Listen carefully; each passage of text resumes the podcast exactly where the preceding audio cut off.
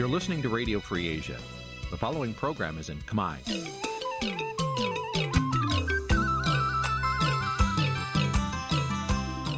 នេះជាកម្មវិធីផ្សាយ Vuthu Azizi Serai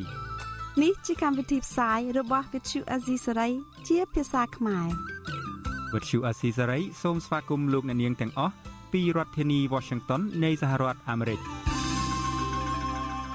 បាទផ្សាយផ្ទាល់ពីរដ្ឋធានី Washington ខ្ញុំបាទជួនច័ន្ទបុតស៊ូមជម្រាបសួរលោកអ្នកនាងកញ្ញានិងប្រិយមិត្តជាទីមេត្រី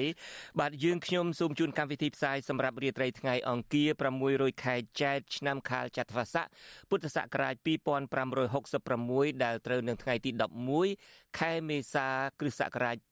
2023បាទជាដំបូងនេះសូមអញ្ជើញលោកអ្នកនាងស្ដាប់ព័ត៌មានប្រចាំថ្ងៃដែលមានមេតិការដូចតទៅ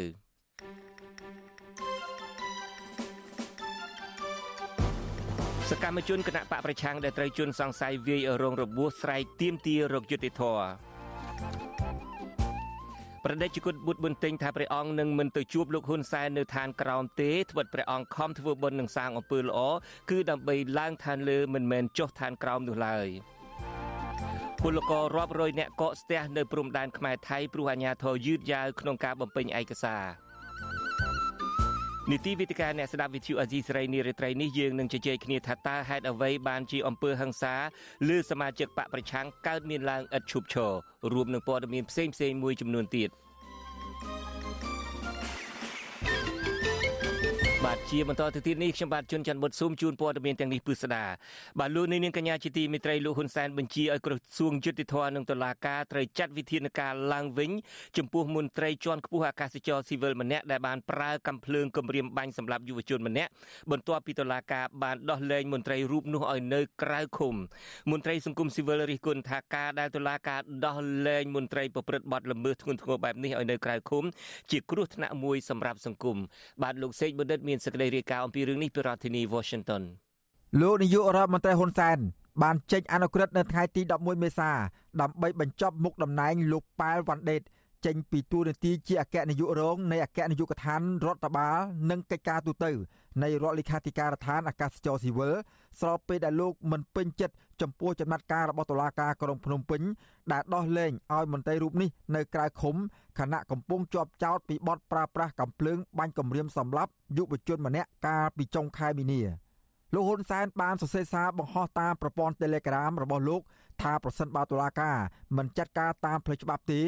ទុកឲ្យលោកដាក់ពិន័យតាមផ្លូវរដ្ឋសិនចំពោះមន្ត្រីដែលអាងខ្លួនមានអំណាច ហើយប្រើប្រាស់អាវុធគំរាមអ្នកទន់ខ្សោយ លោកបន្តថានេះជាសារព្រមានចំពោះមន្ត្រីទាំងអស់មិនឲ្យអាងអំណាចរបស់ខ្លួន យកទៅធ្វើបាបអ្នកទន់ខ្សោយជាពិសេសមិនត្រូវប្រើប្រាស់អាវុធខុសច្បាប់ លោកបានសរសេរបន្ថែមដោយន័យដើមដូចនេះថាសូមរដ្ឋមន្ត្រីក្រសួងយុទ្ធភ័ពធ្វើការជាមួយនឹងតុលាការកុំឲ្យជនល្មើសប្រើប្រាស់អាវុធខុសច្បាប់ បាននៅក្រៅឃុំមុនពេលកាត់ទោសដែលជននោះអាចតាមគម្រិតកំហែងដល់អ្នកផ្សេងទៀត ប្រតិកម្មរបស់លោកហ៊ុនសែននេះធ្វើឡើងបន្ទាប់ពីបណ្ដាញសារព័ត៌មានក្នុងស្រុកមួយចំនួន បានចុះផ្សាយថាមន្ត្រីអាកាសចរស៊ីវិលលោកប៉ែលវ៉ាន់ដេតត្រូវបានចៅក្រមស៊ើបសួរនៃសាលាដំបងរាជធានីភ្នំពេញលោកស្រីអុករេតគុន្ធាដោះលែងឲ្យនៅក្រៅឃុំស្ថិតនៅក្រោមការត្រួតពិនិត្យតាមផ្លូវតុលាការបន្ទាប់ពីមន្ត្រីរូបនេះត្រូវបានចោទប្រកាន់កាលពីថ្ងៃទី31មីនាពីបទកាន់កាប់អាវុធដោយគ្មានការអនុញ្ញាត និងបទគំរាមកំហែងនិងសម្លាប់ បណ្ដាញសារព័ត៌មានក្នុងស្រុកបញ្ជាក់ទៀតថាការចោទប្រកាន់នេះបានធ្វើឡើងបន្ទាប់ពីលោកប៉ែលវ៉ាន់ដេតត្រូវបានសមត្ថកិច្ចឃាត់ខ្លួន បន្ទាប់ពីបានប្រើប្រាស់កំភ្លើងខ្លីគំរាមទៅលើយុវជនម្នាក់ដែលមានអាយុ23ឆ្នាំដោយសារខឹងរឿងចុចស៊ីផ្លេរថយន្តជុំវិញរឿងនេះវិទ្យុអសីស្រីនៅពុំទាន់អាចសុំការបំភ្លឺពីមន្ត្រីអ្នកណែនាំពាក្យក្រសួងយុទ្ធភ័ពលោកជិនម៉ាលីននិងមន្ត្រីនាំពាក្យសាលាដំបងរាជធានីភ្នំពេញលោកអ៊ីរិនបានទេ នៅថ្ងៃទី11មេសា អ្នកនាំពាក្យសមាគមអាត6លោកសឹងសានករណាចាត់ទុកចំណាត់ការរបស់លោកហ៊ុនសែនចំពោះមន្ត្រីដែលប្រើប្រាស់អាវុធមិនចំពេលវេលាបេសកកម្មនិងទូរទស្សន៍នេះថាជារឿងត្រឹមត្រូវមន្ត្រីសិទ្ធិមនុស្សរូបនេះរិះគន់តុលាការដែលមិនបានអនុវត្តច្បាប់ឲ្យបានតឹងរឹងចំពោះមន្ត្រីប្រព្រឹត្តបទល្មើសធ្ងន់ធ្ងរក្នុងការប្រើប្រាស់កំភ្លើងមិនបានត្រឹមត្រូវនេះលោកថាសកម្មជនសង្គម ឬអ្នកនយោបាយដែលមិនបានប្រព្រឹត្តបទល្មើសធ្ងន់ធ្ងរហើយគ្រាន់តែនាំគ្នាសម្ដែងមតិបែរជាត្រូវបានតុលាការចោទប្រកាន់ឬបដិសេធការស្នើសុំនៅក្រៅឃុំទៅវិញ។ ជនប្រព្រឹត្តល្មើសបែបនេះបែរជាអាចរួចផុតអំពីការដាក់ទោសទណ្ឌផ្ដន់ទោសនៅក្នុងពន្ធនាគារអានឹងវាជារឿងមួយដែលមិនជារឿងល្អទេហើយវាអាចជាការលើកទឹកចិត្តទៅវិញអាចថាការប្រព្រឹត្តនឹងនឹងមិនរៀងចាលហើយអាចនឹងបន្តប្រព្រឹត្តទៀតហើយអ្នកផ្សេងទៀតដែលមានអាវុធមានអីនៅក្នុងខ្លួនអាចប្រើប្រាស់មធ្យោបាយបែបនេះដើម្បីរួចផុតអំពីការផ្ដន់ទោសតាមផ្លូវច្បាប់ បច្ចុប្បន្នតុលាការគ្រប់ជាន់ថ្នាក់របស់កម្ពុជាត្រូវបានមជ្ឈដ្ឋានជាតិនិងអន្តរជាតិរិះគន់កាន់តែខ្លាំងថាស្ថិតនៅក្រោមការបង្គាប់បញ្ជាពីលោកហ៊ុនសែនដែលនាំឲ្យតុលាការសម្បូរទៅដោយការប្រព្រឹត្តអំពើពុករលួយច្រើនរួមទាំងការកាត់ក្តីមិនឯករាជ្យនិងមិនអព្យាក្រឹតកាលពីពេលថ្មីថ្មីនេះលោកហ៊ុនសែនក៏រងការរិះគន់ដែរបន្ទាប់ពីលោកបានលើកលែងទោសឲ្យអតីតអភិបាលខេត្តតាកែវលោកឡាយវណ្ណៈ មានសេរីភាពឡើងវិញ កាលពីថ្ងៃទី6មេសា បន្ទាប់ពីជាប់ពន្ធនាគារប្រហែល4ឆ្នាំ ក្នុងរឿងឃាតកម្មលើស្រីកំណាន់ដែលតុលាការសម្រេចផ្តន្ទាទោសដាក់ពន្ធនាគារ13ឆ្នាំខ្ញុំបាទសេកបណ្ឌិត វុទ្ធុអាស៊ីសេរីពីរដ្ឋធានីវ៉ាស៊ីនតោនបាទលោកនាងកញ្ញាជាទីមេត្រីឆ្លើយតបទៅនឹងការតាំងចិត្តតាមចងពីរបស់លោកហ៊ុនសែនចំពោះប្រដេជគុណបុត្រប៊ុនតេងរហូតដល់លោកស្លាប់ទៅឋានក្រោមនោះប្រដេជគុណបុត្រប៊ុនតេងមានធរណីកាថាសម្ដីរបស់លោកហ៊ុនសែននេះមិនស័ក្តិសមនឹងចេញពីមាត់របស់មេដឹកនាំប្រទេសឡើយ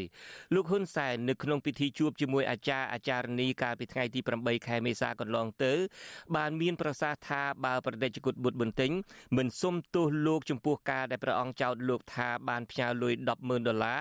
ជួលអ្នកឃោសនាលើកជើងលោកនៅអាមេរិកនោះលោកហ៊ុនសែននឹងតាមចងពៀគ្រប់ជាតិឥឡូវបើចេញមកសុំទោសអាហ្នឹងអូខេបានណាអញហៅអញហៅដៃគុណហើយហើយហើយតែឯងហៅហើយតាខ្មៅឯងចេញមកសុំទោសណាហើយខូច បើឯកាលណាឯងមិនព្រមសារភាពរឿង100000ដុល្លារដែលថាហ៊ុនសែនផ្ញើឲ្យជើងសុកឬសុកសគុណទេឯងកុំសង្កឹមតែអញហើយឯង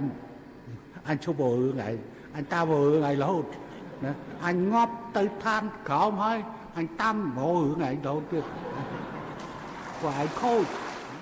បាទព្រះអង្គបន្តទៀតថាព្រះអង្គនឹងមិនជួបលោកហ៊ុនសែននៅឋានក្រោមទេត្បិតព្រះអង្គខំធ្វើបុណ្យនិងសាងអំពើល្អគឺដើម្បីឡើងឋានលើមិនចោះជួបលោកហ៊ុនសែននៅឋានក្រោមនោះឡើយបាទសូមអញ្ជើញលោកនាងរងចាំតាមដានស្ដាប់និងទស្សនាបទសម្ភាសន៍ផ្ទាល់ជាមួយប្រដេជគុណបុត្រប៊ុនតេងថាតើប្រដេជគុណនឹងមានសារអ្វីតបតទៅលោកហ៊ុនសែនខ្លះទៀតកិច្ចសម្ភាសន៍ផ្ទាល់នេះនឹងចាប់ផ្ដើមនាពេលបន្តិចទៀតនេះ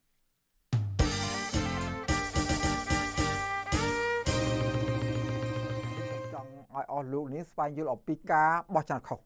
តើអ្វីទៅដែលហៅថាការបោះឆ្នោតខុសនោះ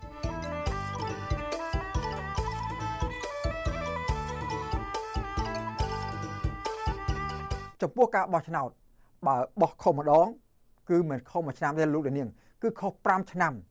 បាទ5ឆ្នាំក្រោយទៀតបានលោកនាងមានឱកាសសម្រាប់ចិត្តទៅបោះឆ្នោតម្ដងទៀតបាទនៅក្នុងការបោះឆ្នោតខុសរយៈពេល5ឆ្នាំនេះបើសិនជា ពីផលប៉ះពាល់វិញគឺមានផលប៉ះពាល់ច្រើនតកតទៅនឹងការបោះឆ្នោតខុសនេះគឺខុសថាស្លឹកឆ្នោតផ្ដល់ទៅឲ្យគណៈបកនយោបាយឬបុគ្គលនយោបាយណាមួយ គឺมันបានសមតាមបំណងរបស់យើងដោយសារតែយើងការបោះឆ្នោតនោះมันបានសម្រេចចិត្តឲ្យត្រូវទៅតាមអ្វីដែលយើងចង់បាន ការបោះឆ្នោតខុសមួយទៀតគឺខុសទៅនឹងតលតិស័កមួយដែលលោកនាងមិនបានបោះឆ្នោតតាមឆន្ទៈរបស់ខ្លួនគឺបោះឆ្នោតទៅតាមការកម្រិតកំហែងការគៀបសង្កត់ ដូច្នេះសញ្ញាឆ្នោតរបស់យើងមិនបានបំរើទៅតាមឆន្ទៈរបស់ខ្លួនហើយអ្នកដែលជាប់ឆ្នោតពីការបោះឆ្នោតដោយមានការកម្រិតកំហែងនីតិសោតក៏មិនបានបំរើនៅផលប្រយោជន៍ដល់ប្រជាពលរដ្ឋសហគមន៍ប្រទេសជាតិតាមការចង់បាននោះដែរការបោះឆ្នោតខុសមួយទៀតនោះគឺការបោះឆ្នោតដែលស្ថិតនៅក្រោមសម្ពាធនយោបាយមានការបង្ខិតបង្ខំមានការទិញទឹកចិត្តហើយអ្នកទៅបោះឆ្នោតដោយមិនបានពិចារណា ហើយក៏បោះទៅតាមអ្វីដែលគេបានរុញច្រានឲ្យលោកនាងបោះឆ្នោតដែលគេរៀបចំទុកឲ្យជាសាច់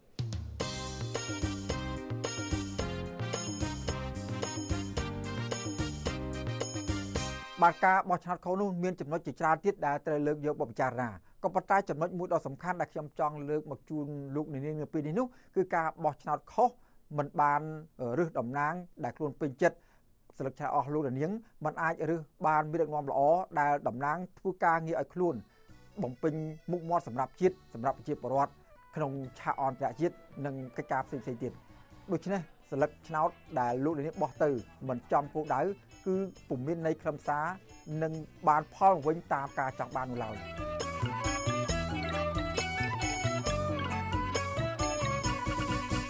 បាទចំពោះអស់លោកនាងនៅពេលនេះ តើលោកនាងបានត្រៀមខ្លួនរួចរាល់ហើយឬនៅហើយមានបកគោលនយោបាយឬមួយក៏ដាក់បកនយោបាយណាមួយដែលលោកនាងពេញចិត្តទុកនៅក្នុងទ្រូងរួចហើយឬនៅដើម្បីត្រៀមទៅបោះឆ្នោតឲ្យពួកគាត់នោះបាទតកតងនឹងការបោះឆ្នោតនេះវិទ្យុអសីសេរីមានប្រធានបទជាច្រើនទៀតដើម្បីនិយាយអំពីរឿងនេះនៅពេលបន្តបន្តមកទៀតសម្រាប់ពេលនេះខ្ញុំបាទសូមអរគុណនិងសូមជម្រាបលាអស់លោកនេះតែប៉ុណ្្នេះសិន បាទលោកនាងកញ្ញាជាទីមេត្រីជាបន្តទៅទៀតនេះអ្នករាយការណ៍ព័ត៌មានរបស់អាស៊ីសេរីមួយរូបគឺលោកនៅវណ្ណរិន មានសេចក្តីរាយការណ៍មកថាពលករខ្មែរដែលនាំគ្នាទៅលេងបុណ្យចូលឆ្នាំនៅស្រុកកំណើតរាប់រយនាក់ជាប់កកស្ទះនៅច្រកព្រំដែនប៉ោយប៉ែតព្រោះមានការយឺតយ៉ាវក្នុងការបំពេញទិដ្ឋាការចេញចូលរបស់សមត្ថកិច្ចថៃមន្ត្រីសង្គមស៊ីវិលធ្វើការងារសិទ្ធិពលកររិះគន់ថាស្ថានទូតកម្ពុជាប្រចាំប្រទេសថៃ មានការយឺតយ៉ាវក្នុងការផ្តល់ព័ត៌មានដល់ពលករនិងមិនបានយកចិត្តទុកដាក់ជួយដល់ពលករឆ្លងដែនទាំងនោះសោះលោកនៅវណ្ណរិនមានសេចក្តីរាយការណ៍អំពីរឿងនេះពីរដ្ឋធានី Washington ពលករខ្មែរដែលកកស្ទះនៅច្រកព្រំដែនប៉ោយប៉ែតអ្នកខ្លះជាប់នៅនឹងកន្លែងបំពេញឯកសាររយៈពេល1ថ្ងៃអ្នកខ្លះទៀតជាប់រយៈពេល2ថ្ងៃហើយពួកគាត់សម្រាកនៅនឹងកន្លែងតម្រង់ជួរនិងនៅកន្លែងបំពេញទឹកតការច្រកចិញ្ចូលនោះតែម្ដង អ្នកខ្លះមានបង្វិចអីវ៉ាន់និងអ្នកខ្លះទៀត មានកូនតូចតូចមកជាមួយផង បញ្ហានេះកើតឡើងតាំងពីថ្ងៃទី8មេសាតែមកដល់ថ្ងៃទី11មេសានេះមានសភាពធូរស្រាលឡើងវិញមន្ត្រីផ្នែកការពារសិទ្ធិពលករចំណាក់ស្រុកនៃអង្គការសង្ត្រាប្រចាំនៅប្រទេសថៃលោកលឹងសុផុនដែលចោះអង្កេតដល់ព្រំដែនឲ្យវិទ្យុអាស៊ីសេរីដឹងថាមូលហេតុដែលក្រុមពលករសម្រុកចេញពីច្រកប៉ោយប៉ែតព្រោះពួកគាត់ទទួលដំណឹងថានៅច្រកប៉ោយប៉ែតនេះ សមត្ថកិច្ចថៃមិនយកប្រាក់ក្រៅប្រព័ន្ធពីលើពលករតែបើតាមច្រកផ្សេងផ្សេងវិញពលករត្រូវបង់ប្រាក់ក្រៅប្រព័ន្ធប្រមាណ500បាតស្មើនឹង15ដុល្លារទៅសមត្ថកិច្ចថៃបន្ថែមពីលើការបង់ប្រាក់បំពេញទឹកតការចេញចូល។អ្នកជំនាញខាងសិទ្ធិពលកររូបនេះឲ្យដឹងទៀតថាពលករខ្មែរមកធ្វើការនៅប្រទេសថៃពេលចេញពីប្រទេសថៃត្រូវបំពេញទិដ្ឋាការចេញចូលដើម្បីរក្សាទិដ្ឋាការឬវីសាការងារពួកគេកុំឲ្យអស់សុពលភាព លោកឲ្យដឹងទៀតថាវិក័យប័ត្ររបស់អាជ្ញាធរថៃតម្រូវឲ្យពលករម្នាក់ត្រូវបង់ប្រាក់ថ្លៃធ្វើទិដ្ឋាការចេញចូលទៅអាជ្ញាធរថៃចំនួន1000បាត ដែលមានតម្លៃស្មើនឹង30ដុល្លារតែអាជ្ញាធរថៃបានទារលុយលើសកំណត់រហូតដល់1300បាត ស្មើនឹង40ដុល្លារ មន្ត្រីសង្គមស៊ីវិលរូបនេះសង្កេតឃើញថានៅពេលមានបញ្ហាកកស្ទះម្ដងម្ដងសមត្ថកិច្ចខេត្តបន្ទាយមានជ័យនិងមន្ត្រីស្ថានទូតកម្ពុជាប្រចាំប្រទេសថៃឃើញចុះទៅអន្តរាគមន៍ដែរតែហាក់គ្មានប្រសិទ្ធភាពនោះទេ បើតាមតែខ្ញុំឃើញស្ថានភាពផ្ទាល់ហ្មងគឺគាត់សម្រាកនៅកន្លែងកន្លែងដែលគាត់តម្រង់ជួរនឹងហើយនឹងកន្លែងដែលគេធ្វើការវាយរៀនត្រីហ្នឹងបងហើយមានពីរជាន់ហើយបងប្អូនមួយចំនួនក៏អង្គុយហើយឈរនៅកន្លែងដែលគាត់តម្រង់ជួរចូលហ្នឹងបងបាទគឺអត់មានបន្ទប់អត់មានផ្ទះសំណាក់អីទេបងគឺគាត់នៅរងចាំនៃការខាងរដ្ឋាភិបាលគេវាយឲ្យវាយចាញ់អញ្ចឹងណា លោកលឹងសុផុនឲ្យដឹងទៀតថានៅក្នុងចំណោមច្រកអន្តរជាតិទាំងអស់មានតែច្រកអន្តរជាតិប៉ោយប៉ែតទេ ដែលស្ទះជាងគេ ចំណែកច្រកបានឡែមនិងច្រកសំពៅលូនមិនសូវមានការកកស្ទះនោះទេស្រដៀងគ្នានេះដែរប្រធានសមាគមពង្រឹងសេដ្ឋកិច្ចក្រៅប្រព័ន្ធកម្ពុជា លោកដិនពុទ្ធី សង្កេតឃើញថាបញ្ហាកកស្ទះកើតមានឡើងប្រមាណថ្ងៃមកហើយតែនៅថ្ងៃទី11ខែមេសាមិនសូវមានការកកស្ទះនោះទេ លោកសង្កេតឃើញថានៅពេលនេះសមត្ថកិច្ចកម្ពុជាបានចោះចែកអាហារជូនពលករប៉ុន្តែរូបភាពបែបនេះលោកយល់ថាគ្រាន់តែជាការសម្ដែងឲ្យល្អមើលតែប៉ុណ្ណោះលោកដិនពុទ្ធីចង់ឃើញអាញាធរកម្ពុជា សហការជាមួយអាញាធរថៃជួយសម្របសម្រួលនៅក្នុងការបំពេញឯកសារជូនពលករដើម្បីអាចចេញពីទឹកដីថៃបានលឿន។ ធ្វើការយឺតយ៉ាវទៅដើម្បីដើម្បីឲ្យអញ្ចឹងដើម្បីដាក់ឱកាសឲ្យគេគប់ជេរអ្នកអ្នកទៅថាអ្នកដែលជេរហ្នឹងបើឲ្យប្រញាប់ឲ្យខ្ញុំ300ខ្ញុំជួយគេជេរឲ្យ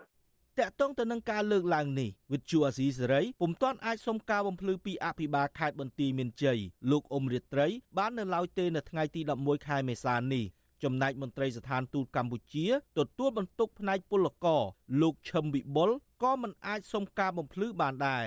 រីឯស្ថានអគ្គកុងស៊ុលកម្ពុជាប្រចាំខេត្តស្រះកែវប្រទេសថៃស្នើទៅក្រមពលករឲ្យបំពេញទិដ្ឋាការចេញចូលនៅកន្លែងពលករធ្វើការឬរស់នៅនៅក្នុងប្រទេសថៃជាមុនសិនមុនពេលធ្វើដំណើរមកកាន់ច្រកទ្វារព្រំដែនអន្តរជាតិកម្ពុជាថៃ។ សេចក្តីប្រកាសព័ត៌មានចុះថ្ងៃទី10ខែមេសាឲ្យដឹងទៀតថានៅក្នុងករណីដែលពលករមិនអាចបំពេញទិដ្ឋាការចេញចូលនៅកន្លែងធ្វើការនោះទេពលករអាចទៅធ្វើទិដ្ឋាការចេញចូលនេះនៅកន្លែងអន្តោប្រវេសន៍ថៃក្នុងស្រុកអរ៉ាញ់ខេត្តស្រះកែវឲ្យហើយមុនពេលធ្វើដំណើរមកកាន់ច្រកព្រំដែនអន្តរជាតិប៉ោយប៉ែត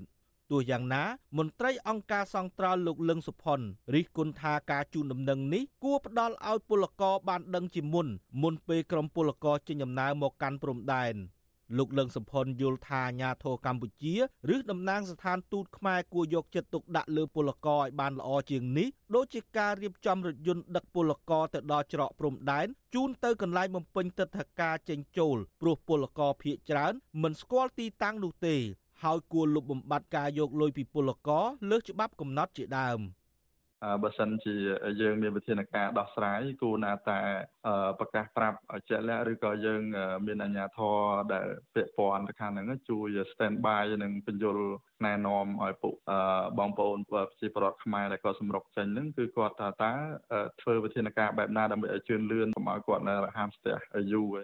ពលករធ្វើការនៅប្រទេសថៃកំពុងនាំគ្នាធ្វើដំណើរមកលេងស្រុកកំណើតដើម្បីអបអរបុណ្យចូលឆ្នាំថ្មីជាបន្តបន្ទាប់ចាប់តាំងពីថ្ងៃទី8ខែមេសាមកក្រសួងការងារដឹងថាមានពលករចំណាក់ស្រុកខ្មែរ1លាន3សែននាក់កំពុងធ្វើការនៅប្រទេសថៃប៉ុន្តែអង្គការសង្ត្រល់រកឃើញថាពលករខ្មែរធ្វើការនៅប្រទេសនេះមានប្រមាណជាង2លាននាក់ឯណោះ អ្នកការពារសិទ្ធិពលកររិះគន់ថាសមត្ថកិច្ចតាមព្រំដែនកម្ពុជាថៃមិនបានបង្កភាពងាយស្រួលឲ្យពលករបានឆ្លងដែននោះទេតែសមត្ថកិច្ចបានបង្គាប់ឲ្យពលករបង់ថ្លៃសេវាក្រៅផ្លូវការដើម្បីអាចចេញដំណើរពីព្រំដែនបានលឿនខ្ញុំបាទនៅវណ្ណរិន With Chu Azizi Saray ពីរដ្ឋធានី Washington បាទលោកនាងកញ្ញាកំពុងតែស្ដាប់ការផ្សាយរបស់ VTV Asia Series ពីរដ្ឋធានី Washington នៃសហរដ្ឋអាមេរិកបាទសកម្មជនគណៈបកប្រឆាំងដែលរងការវាយប្រហារធ្វើបាបកន្លងមកបន្តដង្ហើយរោគយុតិធធដោយសារមកទល់នឹងពេលនេះសមត្ថកិច្ចគ្មានចំណាត់ការលើជនល្មើសនៅឡើយមន្ត្រីអង្គការសិទ្ធិមនុស្សជំរុញដល់សមត្ថកិច្ចវែកមុខរកជនដៃដល់ទៅកាត់ទោសតាមច្បាប់ដើម្បីបញ្ជាការចោទប្រកាន់នានាពីគ្រួសារនិងពីមហាជន បាទលោកទីនសាការីយ៉ាមានសេចក្តីរាយការណ៍អំពីរឿងនេះពីរដ្ឋធានី Washington មកទល់ពេលនេះអាជ្ញាធរគ្មានចំណាត់ការលើជនល្មើសឬចាប់យកមកផ្ដន្ទាទោសតាមផ្លូវច្បាប់នៅឡើយទេបើទោះបីជាជនរងគ្រោះបានដាក់ពាក្យប្តឹងទៅអាជ្ញាធរជាហោហែក្តី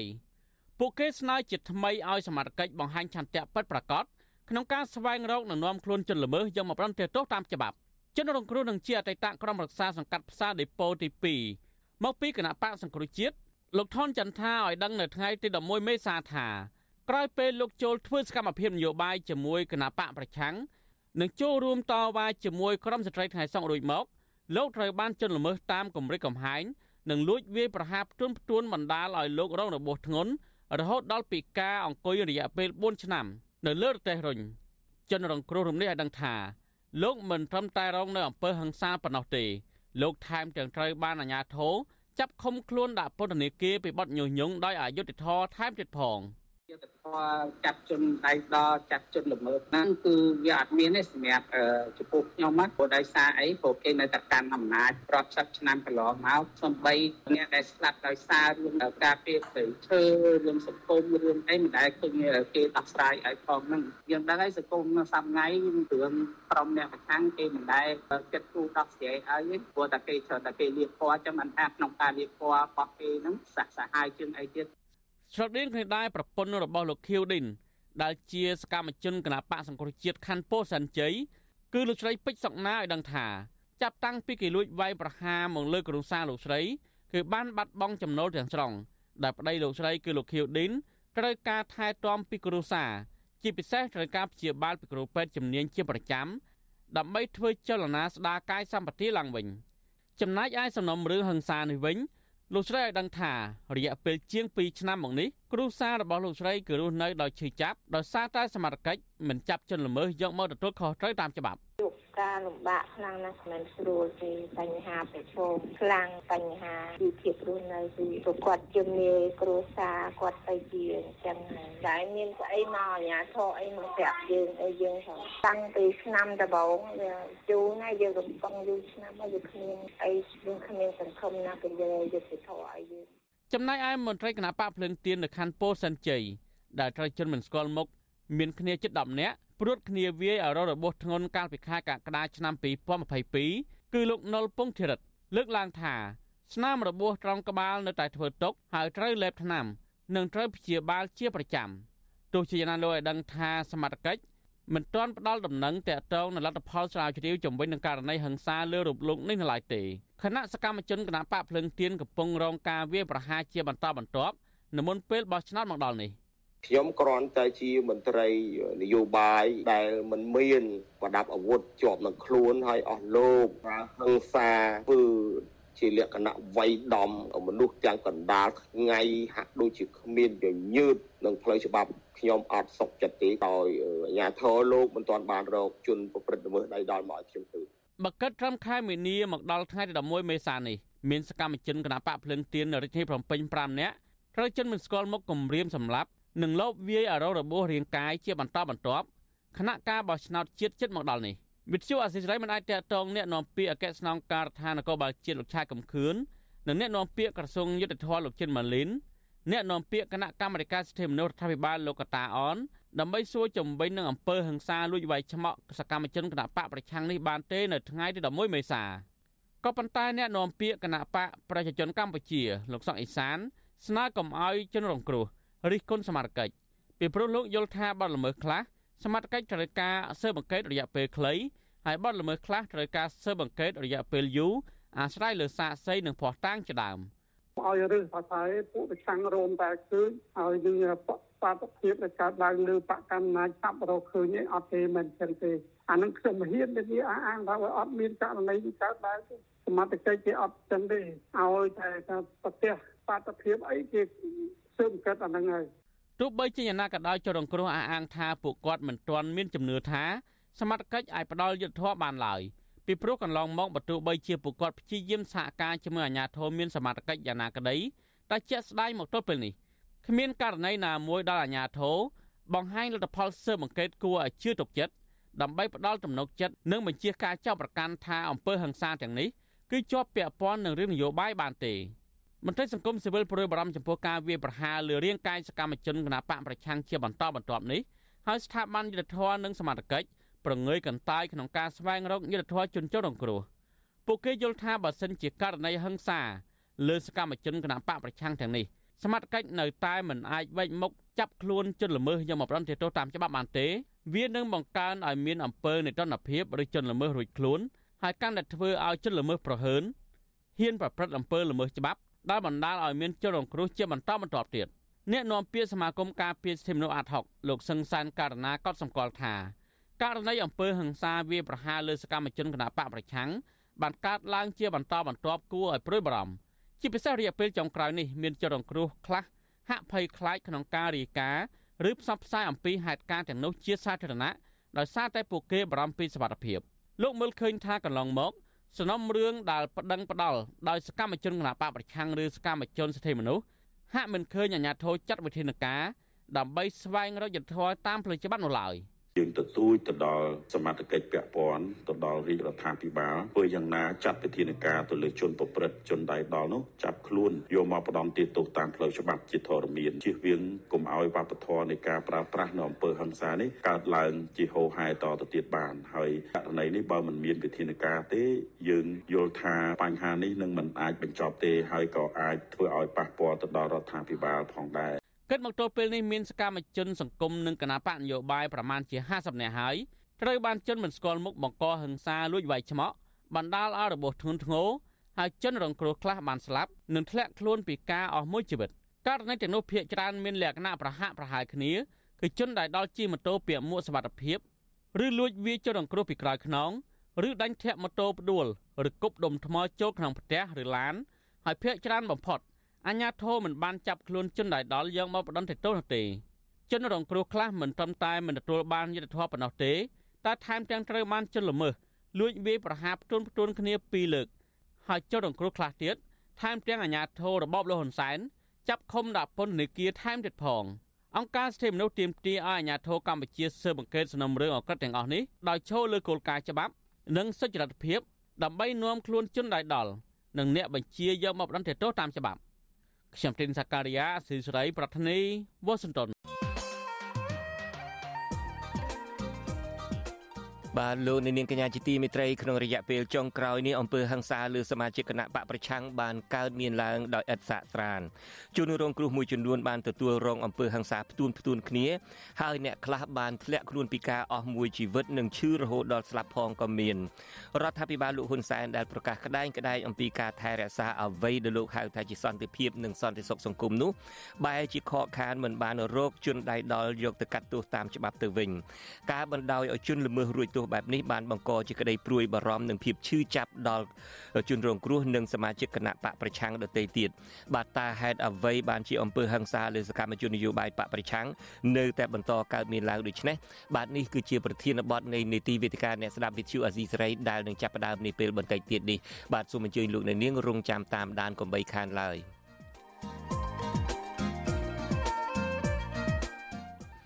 បាទលោកនាងកញ្ញាជាទីមេត្រីឆ្លើយតបទៅនឹងការតាំងចិត្តតាមចងពៀរបស់លោកហ៊ុនសែនចំពោះប្រដេជគុណបុត្រប៊ុនតេងរហូតដល់លោកស្លាប់ទៅឋានក្រោមនោះប្រដេជគុណបុត្រប៊ុនតេងមានថេរដីកាតបវិញថាសម្ដីរបស់លោកហ៊ុនសែននេះមិនស័ក្តិសមនឹងចេញពីមាត់របស់មេដឹកនាំប្រទេសឡើយលោកហ៊ុនសែននៅក្នុងពិធីជួបជាមួយអាចារ្យអាចារ្យនីកាលពីថ្ងៃទី8ខែមេសាកន្លងទៅ បានមានប្រសាសន៍ថាបើប្រដេជគុណបុត្រប៊ុនតេងមិនសុំទោសលោកចំពោះការដែលព្រះអង្គចោទលោកថាបានផ្ញើលុយ100,000ដុល្លារជួលអ្នកឃោសនាលើកជើងលោកនៅអាមេរិកលោកហ៊ុនសែននឹងតាមចងពៀគ្រប់ជាតិឥឡូវបើចេញមកសុំទោសអាហ្នឹងអូខេបានណាអញហៅអញហៅដៃគុណហើយហើយហើយតែឯងហៅហើយតាខ្មៅឯងចេញមកសុំទោសណាហើយខូចបើឯកាលណាឯងមិនព្រមសារភាពរឿង 100,000ដុល្លារដែលថាហ៊ុនសែនផ្ញើឲ្យជើមសុកឬសុកសគុណទេឯងកុំសង្ឃឹមថាអញហើយឯងអញឈប់រឿងឯងអញតាមរឿងឯងរហូតណាអញងាប់ទៅឋានក្រោមហើយអញតាមរឿងឯងរហូតទៀតព្រោះឯងខូច ព្រះអង្គបន្តថាព្រះអង្គនឹងមិនជួបលោកហ៊ុនសែននៅឋានក្រោមទេត្បិតព្រះអង្គខំធ្វើបុណ្យនិងសាងអំពើល្អគឺដើម្បីឡើងឋានលើមិនចោះជួបលោកហ៊ុនសែននៅឋានក្រោមនោះឡើយបាទជាបន្តទៅទៀតនេះខ្ញុំបាទនឹងមានបទសម្ភាសផ្ទាល់មួយជាមួយប្រដេជគុណបុត្របន្ទិញដើម្បីចង់ដឹងថាតើប្រដេជគុណមានសារអ្វីខ្លះទៀតតបតជាមួយលោកហ៊ុនសែនខ្ញុំកណាបានឃើញប្រដេជគុណហើយខ្ញុំកណាសូមក្រាបថ្វាយបង្គំប្រគុណម្ចាស់ពោញនឹងពោញខ្ញុំជួនច័ន្ទបុត្រនិងសហការីព្រមទាំងអ្នក ទេសនាការផ្សាយរបស់ស៊ីសេរីគ្រប់រូបបងប្រគុណម្ចាស់តើប្រគុណម្ចាស់ខ្ញុំកណាបានតាក់ទងប្រគុណម្ចាស់មុននឹងការផ្សាយនេះបន្តិចប្រគុណម្ចាស់ថាមានធរដីកាថាភាសារបស់លោកនាយករដ្ឋមន្ត្រីហ៊ុនសែននេះមិនសមនឹងចេញពីមាត់របស់មេដឹកនាំប្រទេសជាតិនោះឡើយតើមិនសមនឹងមិនស័កសមត្រង់ណាប្រគុណម្ចាស់មិនស័កសមមាន កត្តាពីរដែលយើងពិចារណា ពិចារណាទី1គឺហ៊ុនសែនក្នុងឋានៈជានាយករដ្ឋមន្ត្រី ទី2គាត់ទៅនិយាយប្រាប់សិតតែជាអ្នករក្សាសិលគឺអាចារ្យអាចារ្យអាចារ្យនីជាអ្នករក្សាសិលក៏ប៉ុន្តែបើយើងមើលឲ្យលឺនោះទៅទៀតការនិយាយរបស់ហ៊ុនសែននិយាយមុននេះវាមិនស័ក្តិសមជាមនុស្សធម្មតាហើយក៏វាមិនស័ក្តិសមជាមនុស្សដែលមានឋានៈ ការនិយាយនេះសម្ដែងចេញអំពីការកត់សម្គាល់បុគ្គលិកលក្ខណៈបុគ្គលពីលអូហើយបុគ្គលពីលនៅក្នុងធัวលោកសម្ដែងមាន3ក្រុមគឺបុគ្គលពីលធម្មតាគឺជាអ្នកដែលធ្វើឲ្យបាត់បង់ប្រយោជន៍នៅក្នុងបច្ចុប្បន្ននិងបរលោកហើយបើនិយាយមួយទៀតមកបែបទៀតគឺថាបុគ្គលពីលគឺជាអ្នកដែលធ្វើឲ្យបាត់នៅប្រយោជន៍ខ្លួនឯងនិងអ្នកដទៃ ហើយយើងមើលសម្លឹងមើលអរិយាប័ត្ររបស់លូនសេនទាំងឡាយគឺគាត់ធ្វើឲ្យបាត់ប្រយោជន៍អ្នកកាត់ប្រយោជន៍របស់ជាតិนั่นព្រោះប្រយោជន៍អ្នកដទៃគឺជាតិរួមគ្នាជាតិខ្មែរហើយហ៊ុនសែនធ្វើទាំងឡាយហ្នឹងគឺវាមិនបានប្រយោជន៍អ្វីទៅដល់ខ្មែរទេហើយយើងមានទៀកលហេកជាស្ដែងយកមកឆ្លុះបញ្ចាំងដែលធ្វើបុគ្គលពីលធ្វើឲ្យបាត់ប្រយោជន៍សម្រាប់ប្រទេសជាតិហ្នឹងដូចជាករណីប្រពន្ធអនុគ្រោះពន្ធអានឹងជាប្រយោជន៍រួមណាចំនួនពោជាប្រយោជន៍របស់ជាតិណា ហើយបើបើបើជួនជាបណ្ឌិតគេស្វះស្វែងជួនជាបណ្ឌិតនេះគេស្វះស្វែងរកប្រយោជន៍ឲ្យអ្នកដទៃគេធ្វើអំពើល្អឲ្យអ្នកដទៃក៏ប៉ុន្តែបុគ្គលពីលជាទូទៅមិនដែលខ្វល់ទេសំបីតែប្រយោជន៍សម្រាប់ខ្លួនឯងហើយប្រយោជន៍សម្រាប់ខ្លួនឯងជាទូទៅរបស់បុគ្គលពីលគឺតែងតែមានអិរិយាបថក្នុងការចិញ្ចឹមជីវិតតាមបែបមច្ឆាជីវៈ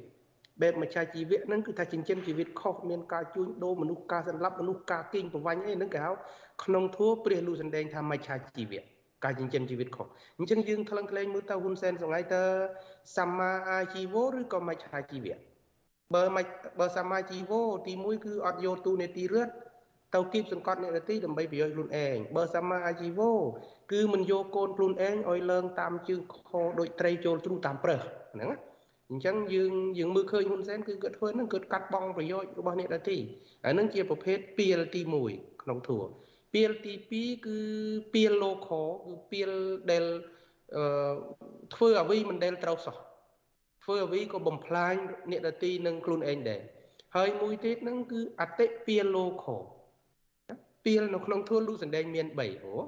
ពីលលោពីល local អតិពីល local ពីលយ៉ាងក្រៃលែងក្នុងលោក ពីលយ៉ាងក្រៃលែងក្នុងលោកយើងអាចមើលឃើញថាហ៊ុនសែនពីលក្រៃលែងក្នុងលោកដោយប្រៀបធៀបទស្សនវិជ្ជា2ទស្សនវិជ្ជាទី1គឺការកាន់អំណាចរបស់ខ្លួនគឺគាត់កាន់អំណាចយូរជាងគេក្នុងលោកគាត់និយាយខ្លួនគាត់តែតែមិនបានថាទេប៉ុន្តែពាក្យអតិពាក្យលោកខពាក្យរបស់ព្រះជាពុទ្ធវចនៈរីឯពាក្យថាកាន់អំណាចយូរជាងគេធ្វើយូរជាងគេបំបែកឯកតកម្មទាំងអូទាំងកូននឹងគឺហ៊ុនសែនថាខ្លួនឯងដូច្នេះអាត្មាគិតថា ហ៊ុនសែនគឺជាមនុស្សពៀលក្រៃលែងក្នុងលូកប្រកាសមែនដោយយើងសង្កេតទៅមើលតាមផ្លូវធัวនិងសង្កេតទៅមើលអេរិយាបថរបស់គិតជាស្ដេចនឹងពូហេតុដូច្នេះអាត្មាយល់ឃើញថាមិនគូចាត់ទុកហ៊ុនសែនជាមនុស្សម្នាក់ដែលគូដើរតាមទេបើដើរតាមហ៊ុនសែនគឺខុសគេក្នុងលោកហើយណាពូអានឹងចំណុចទី1ដែលពិចារណា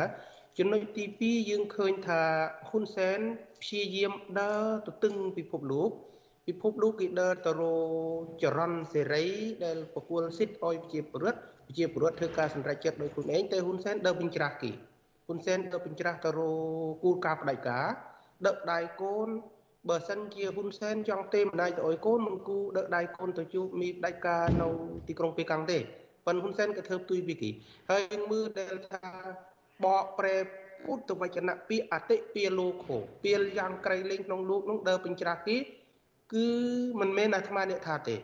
អ្នកកសែតរបស់ជៀនដែលហ៊ុនសែនស្រឡាញ់ជាងគេស្ត្រីម្នាក់របស់ជៀននឹងអ្នកកសែតដែលហ៊ុនសែនស្គាល់ជាងគេព្រោះធ្វើការយូរនៅស្រុកខ្មែរគាត់បានស៊ូហើយប្រជាជនចិននៅទូទាំងប្រទេសចិនគេអោយរហស្សនាមហ៊ុនសែនថាជាបរោះសង្ហាដើរបញ្ច្រាស់ទឹះពាក្យបរោះសង្ហាដើរបញ្ច្រាស់ទឹះនេះបើក្នុងធឿគេហៅអតិពាលោកោគឺបុគ្គលពីលក្រៃលែងក្នុងលោកដើរទៅទឹងទឹះដើរខុសផ្លូវអត់ដើរស្របជាមួយនឹង ពុទ្ធវចនៈអត់ដើរស្របជាមួយនឹងពុទ្ធសាសនាទេហើយបើយើងមើលជារឹកលក្ខណៈរបស់ អរគុណប្រគុណម្ចាស់ពេលវេលាខ្ញុំកណាមានខ្លីបន្តិចរាត្រីនេះដែលហេតុថាយើងមាននីតិវេទិកាអ្នកស្ដាប់វិទ្យុអេស៊ីសេរីក៏ប៉ុន្តែខ្ញុំកណានៅមានសំណួរ2 3ទៀត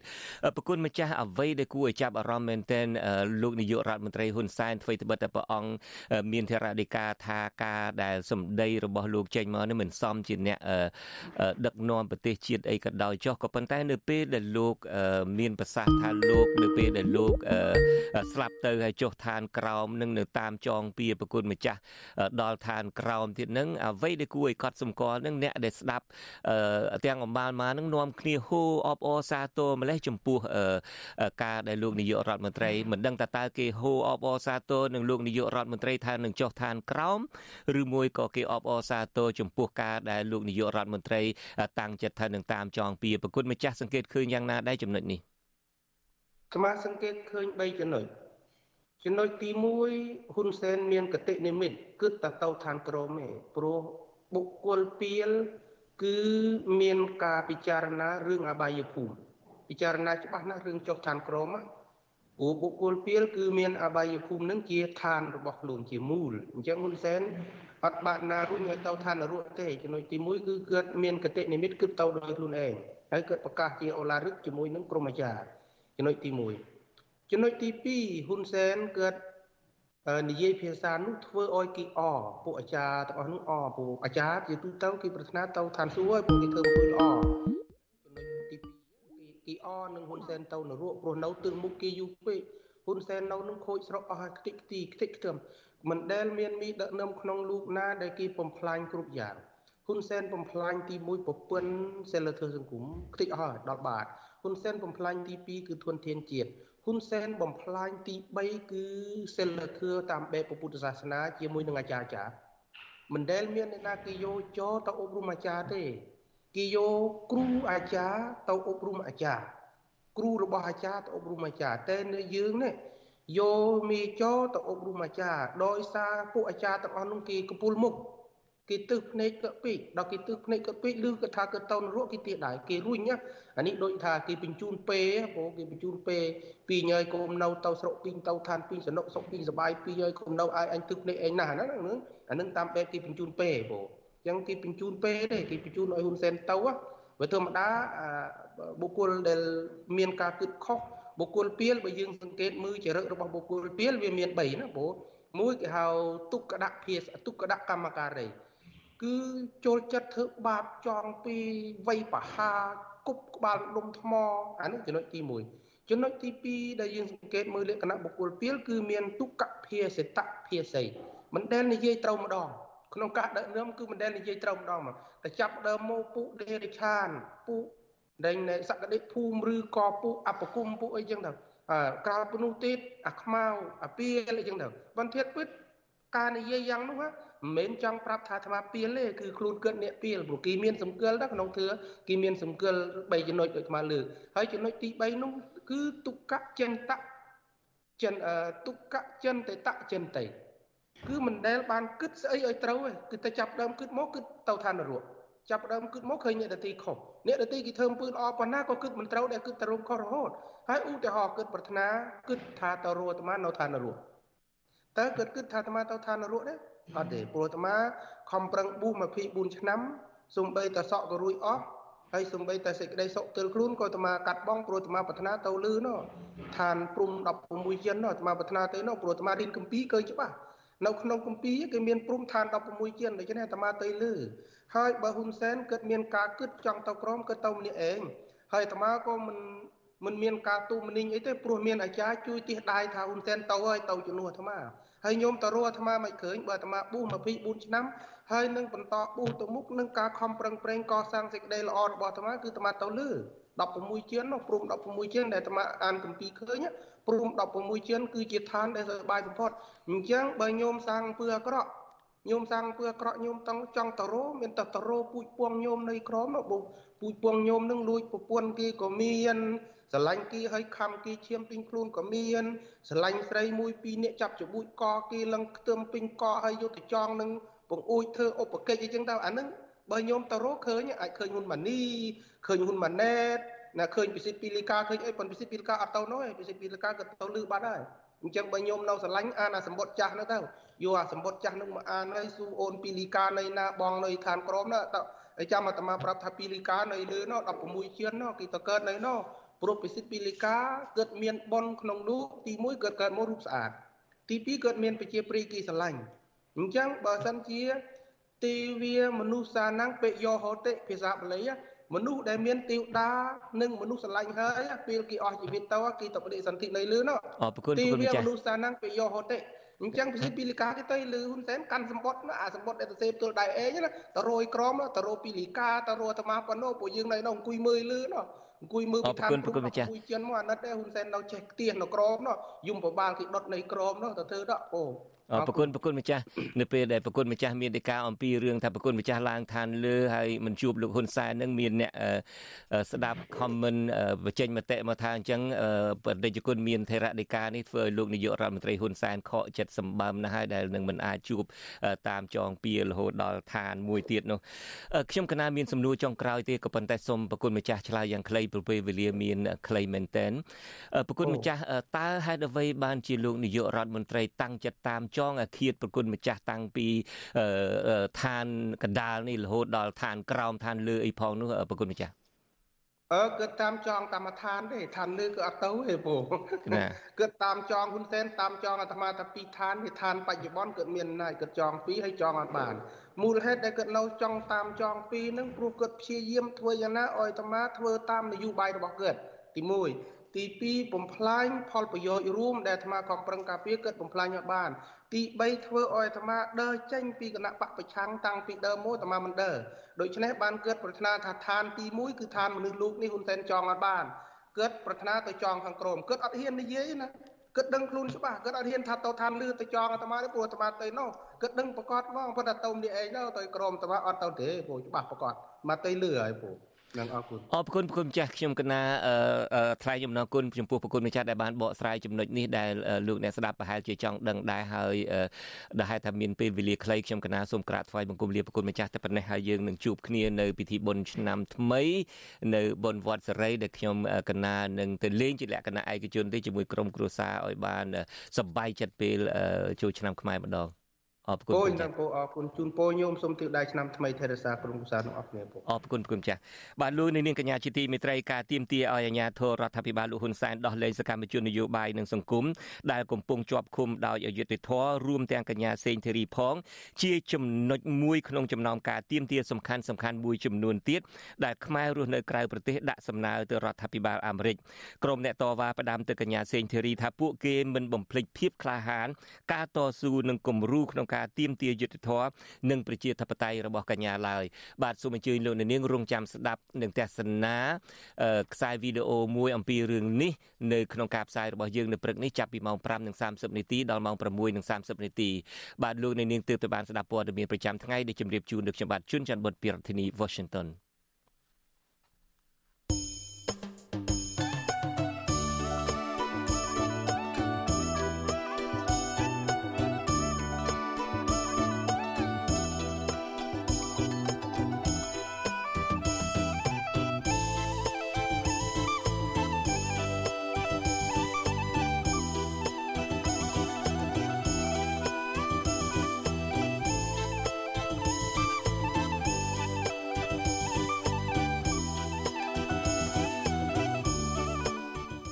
នាងកញ្ញាជាទីមេត្រីជាបន្តទៅទៀតនេះគឺជានីតិវេទិកាអ្នកស្ដាប់ VTV Azizi សេរីដែលមានលោកយ៉ងច័ន្ទរាជាអ្នកសម្របសម្រួលបាទសូមអញ្ជើញលោកនាងតាមដានទស្សនានិងចូលរួមការផ្សាយរបស់យើងជាពិសេសនីតិវេទិកាអ្នកស្ដាប់ VTV Azizi សេរីដែលសម្របសម្រួលដោយលោកយ៉ងច័ន្ទរាដូចតទៅនេះបាទខ្ញុំបាទជួនរដ្ឋបុតសូមអរគុណនិងសូមជម្រាបលាតែត្រឹមនេះ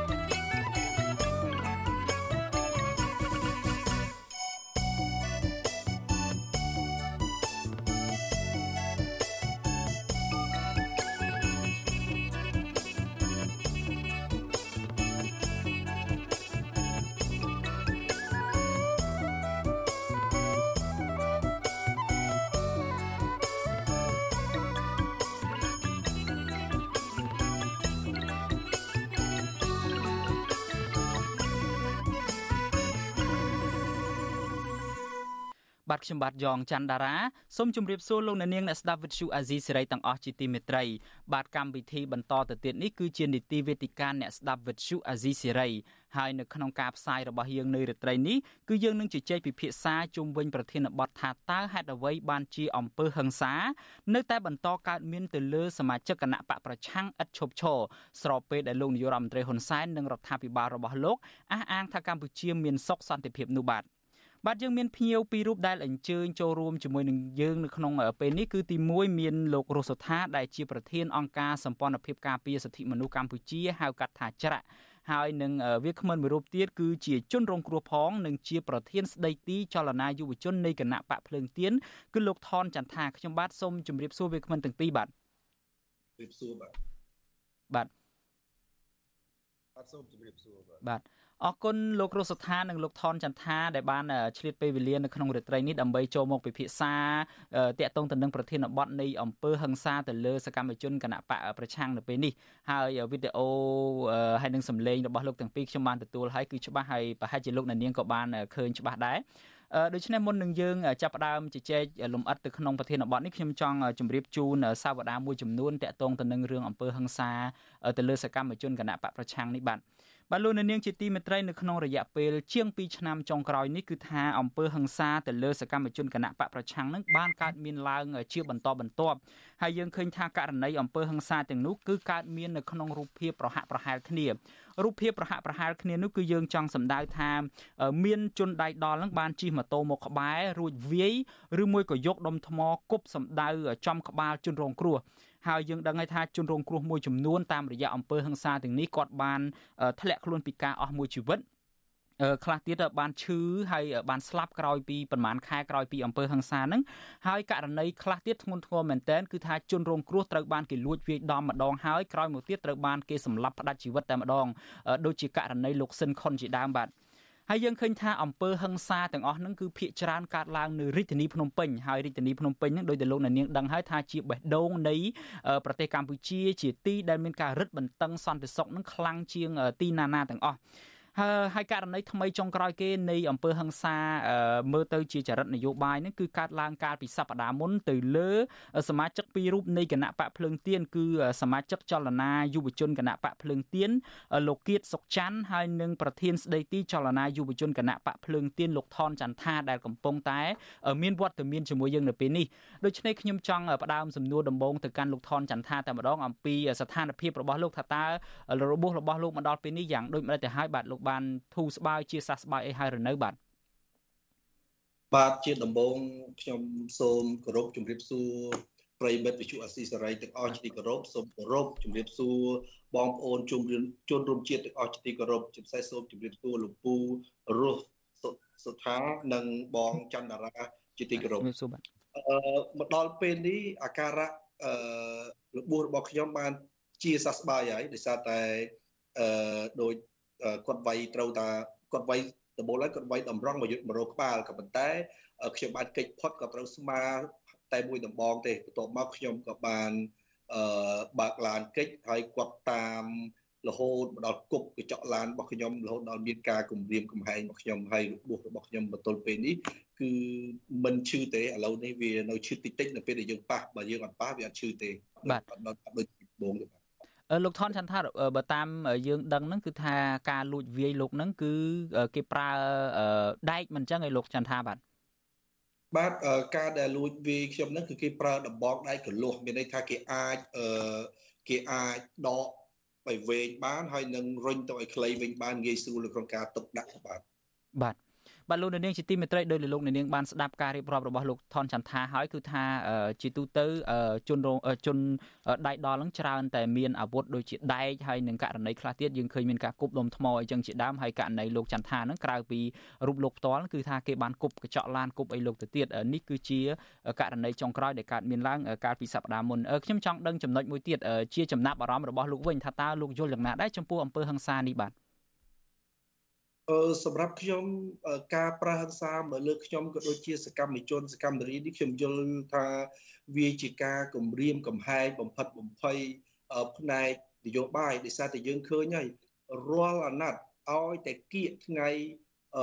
បោះឆ្នោតឲ្យតែគៀកពេលវេលាបោះឆ្នោតគឺបរិយាកាសនយោបាយគឺមិនដែលអឺមិនដែលសូវមានភាពល្អប្រសើរប្រមាណនេះគឺតែងតែមានការ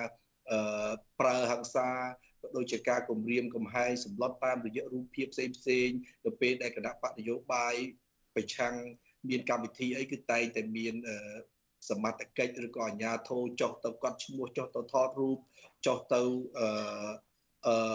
យកឈ្មោះសកម្មជនរអ្នកចូលរួមអីជាដើមហ្នឹងរួមទាំងមានហឹង្សាដូចជារូបខ្ញុំក៏ដូចជាចលនាយុវជនរបស់ខ្ញុំលោកគៀតសច័ន្ទដូចគ្នាអញ្ចឹងអញ្ចឹងខ្ញុំយល់ឃើញថា រូបភាពនៃការគម្រាមកំហែងប្រើហិង្សាមកលើសកម្មជនសកម្មរាជរបស់គណៈបកនយោបាយគឺជាការគម្រាមកំហែងនៃការរឹតបន្តឹងសិទ្ធិសេរីភាពនៅក្នុងការធ្វើសកម្មភាពនយោបាយក៏ដូចជាសិទ្ធិសេរីភាពនៅក្នុងការបញ្ចេញមតិ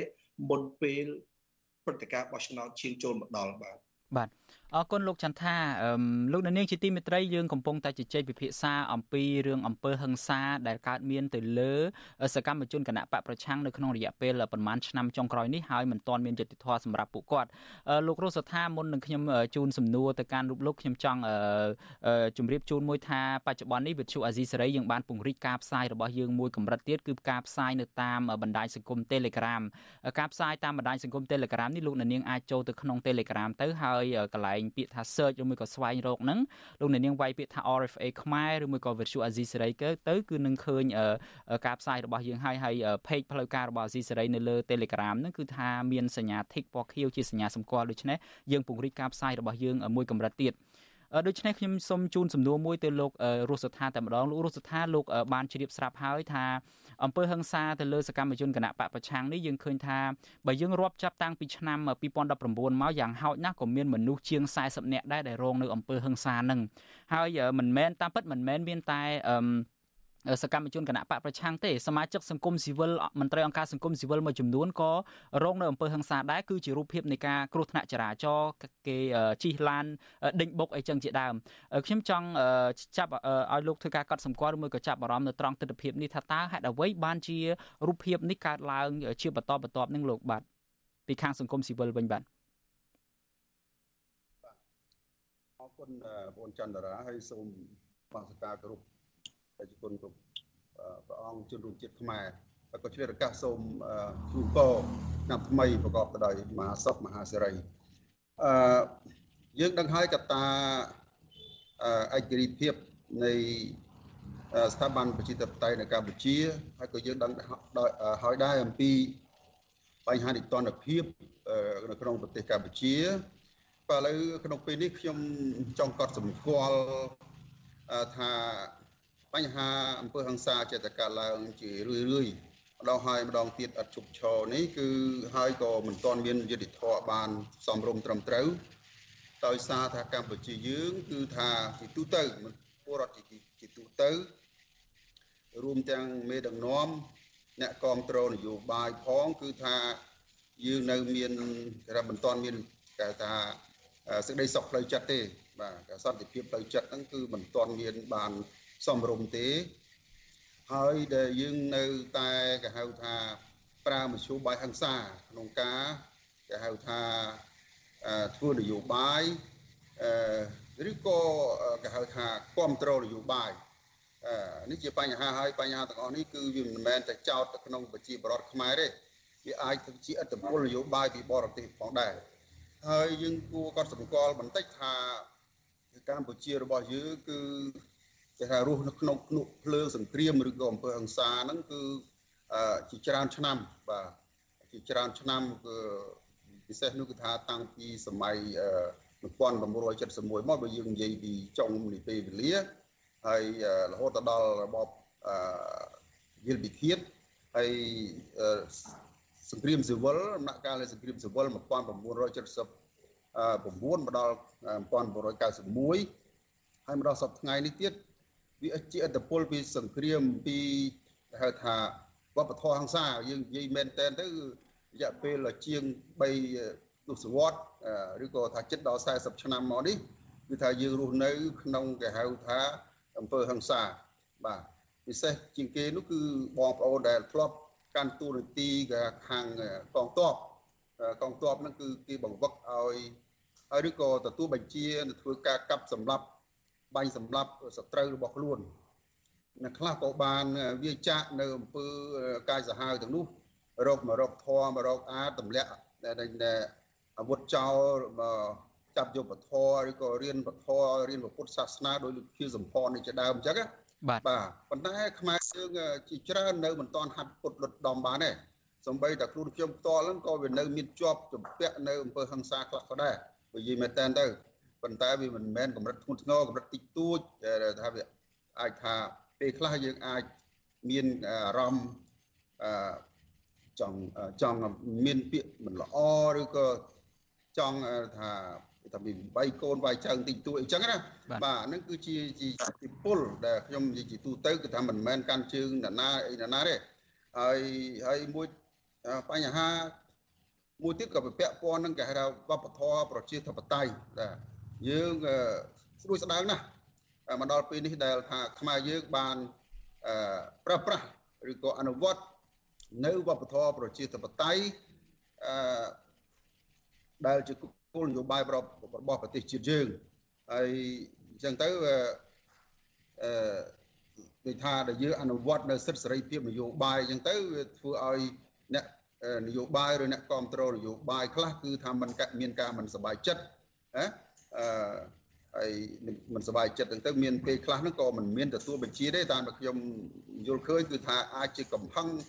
អឺដោយសារថាការស្រឡាញ់ពេកទៅលើបាក់នយោបាយរបស់ខ្លួនលោករស់សថាខ្ញុំសូមកាត់ប្រសាសន៍លោក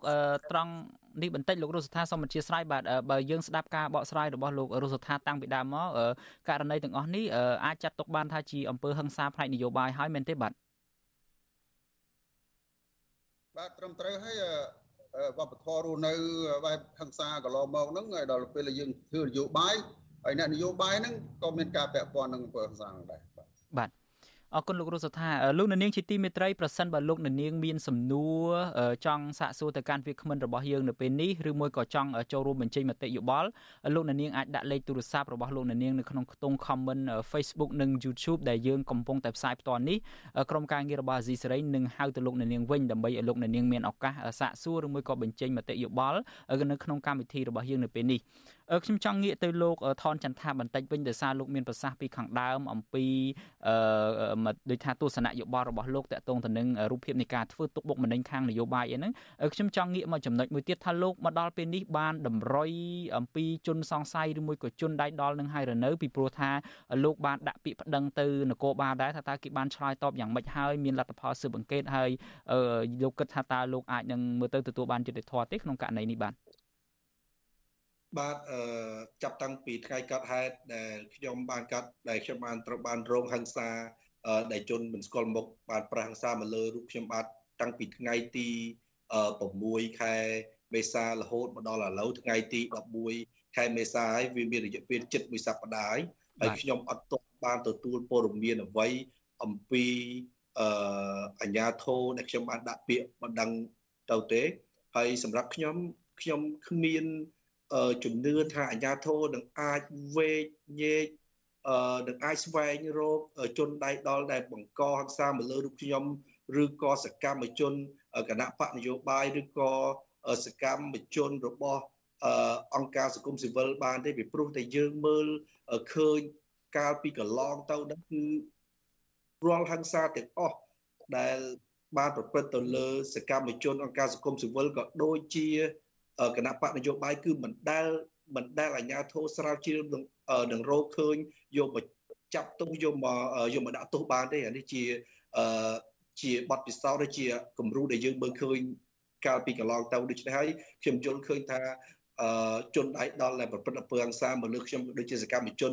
នាពេលថ្មីថ្មីនេះខ្ញុំជឿថាអាជ្ញាធរនឹងមិនអាចរកឃើញទេខ្ញុំជឿអញ្ចឹងបាទបាទ បាទលោកអ្នកនាងជាទីមេត្រីឆ្លៀតនៅក្នុងឱកាសនេះដែរខ្ញុំគ្រាន់តែចង់ជម្រាបជូនលោកអ្នកនាងថាប្រសិនបើលោកអ្នកនាងស្ដាប់ការផ្សាយរបស់យើងនៅតាមរលកធាតុអាកាសខ្លីឬមួយក៏ short wave នោះនៅម៉ោង8កន្លះបន្តិចទៀតនេះលោកអ្នកនាងនឹងមិនលឺការផ្សាយរបស់យើងបន្តទៀតទេក៏ប៉ុន្តែលោកអ្នកនាងដែលស្ដាប់ការផ្សាយរបស់យើងនៅតាមបណ្ដាញសង្គម Facebook YouTube និង Telegram យើងនឹងបន្តការផ្សាយទៅមុខបន្ថែមបន្តិចទៀតដូច្នេះសូមលោកអ្នកនាងបន្តតាមដានស្ដាប់កម្មវិធីរបស់យើងតទៅមុខទៀតបាទ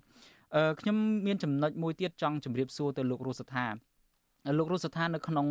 កម្ពុជាតាមពិតគឺជាប្រទេសមួយដែលទទួលយកនៅច្បាប់អន្តរជាតិផ្សេងផ្សេងមកធ្វើជាច្បាប់របស់ខ្លួនដែរមានអនុសញ្ញាអន្តរជាតិនានាកតិកាសញ្ញាអន្តរជាតិទៅលើសិទ្ធិពលរដ្ឋសិទ្ធិនយោបាយហ្នឹងយើងទទួលស្គាល់ទាំងអស់ហើយជាពិសេសអង្គើទរណកម្មការប្រឆាំងអនុសញ្ញាប្រឆាំងអង្គើទរណកម្មហ្នឹងយើងសុទ្ធតែមានទទួលយកទាំងអស់ហើយហេតុអីបានជារដ្ឋាភិបាលមកដល់ពេលនេះมันអាចអនុវត្តបាននៅកាតព្វកិច្ចរបស់ខ្លួននៅត្រង់ចំណុចនេះដែរបាទ